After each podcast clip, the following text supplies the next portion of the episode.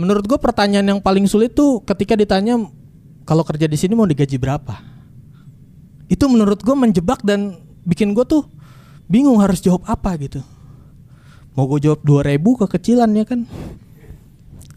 Mau gue jawab 50 juta takut PT-nya bangkrut nih. Akhirnya gue jawab aja 2050 juta.